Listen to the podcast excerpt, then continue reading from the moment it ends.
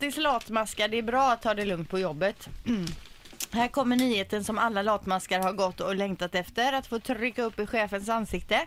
Det är mycket smartare att hålla ner pulsen under arbetstiden än att pressa sig själv till max med förhoppningen att bli klar med uppgiften så snabbt som möjligt, förklarar en expert här. Ja. Två enkla knep är att ta en kortare paus på några minuter efter varje halvtimme och att stänga av jobbmobilen efter arbetet för att samla så mycket energi som möjligt inför nästa dag. Yes. Eh, Man ska också planera sin arbetsdag då. Är du en med- morgonmänniska så ska du göra de mer krävande uppgifterna på morgonen och när du är lite tröttare, om du är det då, så kan du göra de här grejerna på eftermiddagen istället när du har jobbat upp lite energi.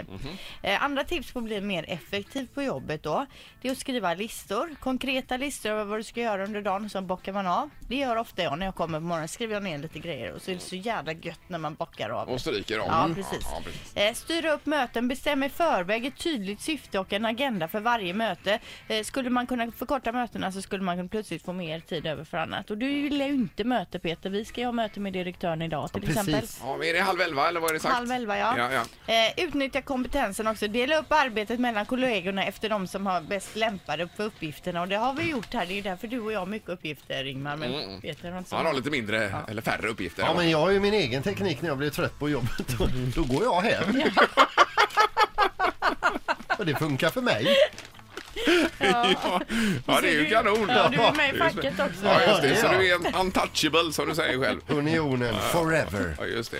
Du menar på. Jag tror inte facket anser egentligen att man kan göra vad man vill på jobbet och bara gå hem hur som helst. Precis, har du kollat det verkligen? Nej, men man kan kanske få ett samtal och säga så här, okej det kanske inte var så jättebra gjort men Ja. vi backar dig. Så ditt fackliga medlemskap är lite som att gå runt med en flytväst, att du flyter överallt Ja. bara sådär. Håller det flytande. Jag kanske är en av de få fackliga medlemmarna som Unionen har som de helst skulle vilja bli av med. Ja, så kan det vara också.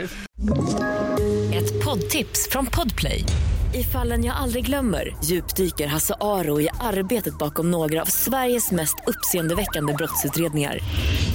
Går vi in med hemlig telefonavlyssning och, och då upplever vi att vi får en total förändring av hans beteende. Vad är det som händer nu? Vem är det som läcker? Och så säger han att jag är kriminell, jag har varit kriminell i hela mitt liv men att mörda ett barn, där går min gräns. Nya säsongen av Fallen jag aldrig glömmer på Podplay.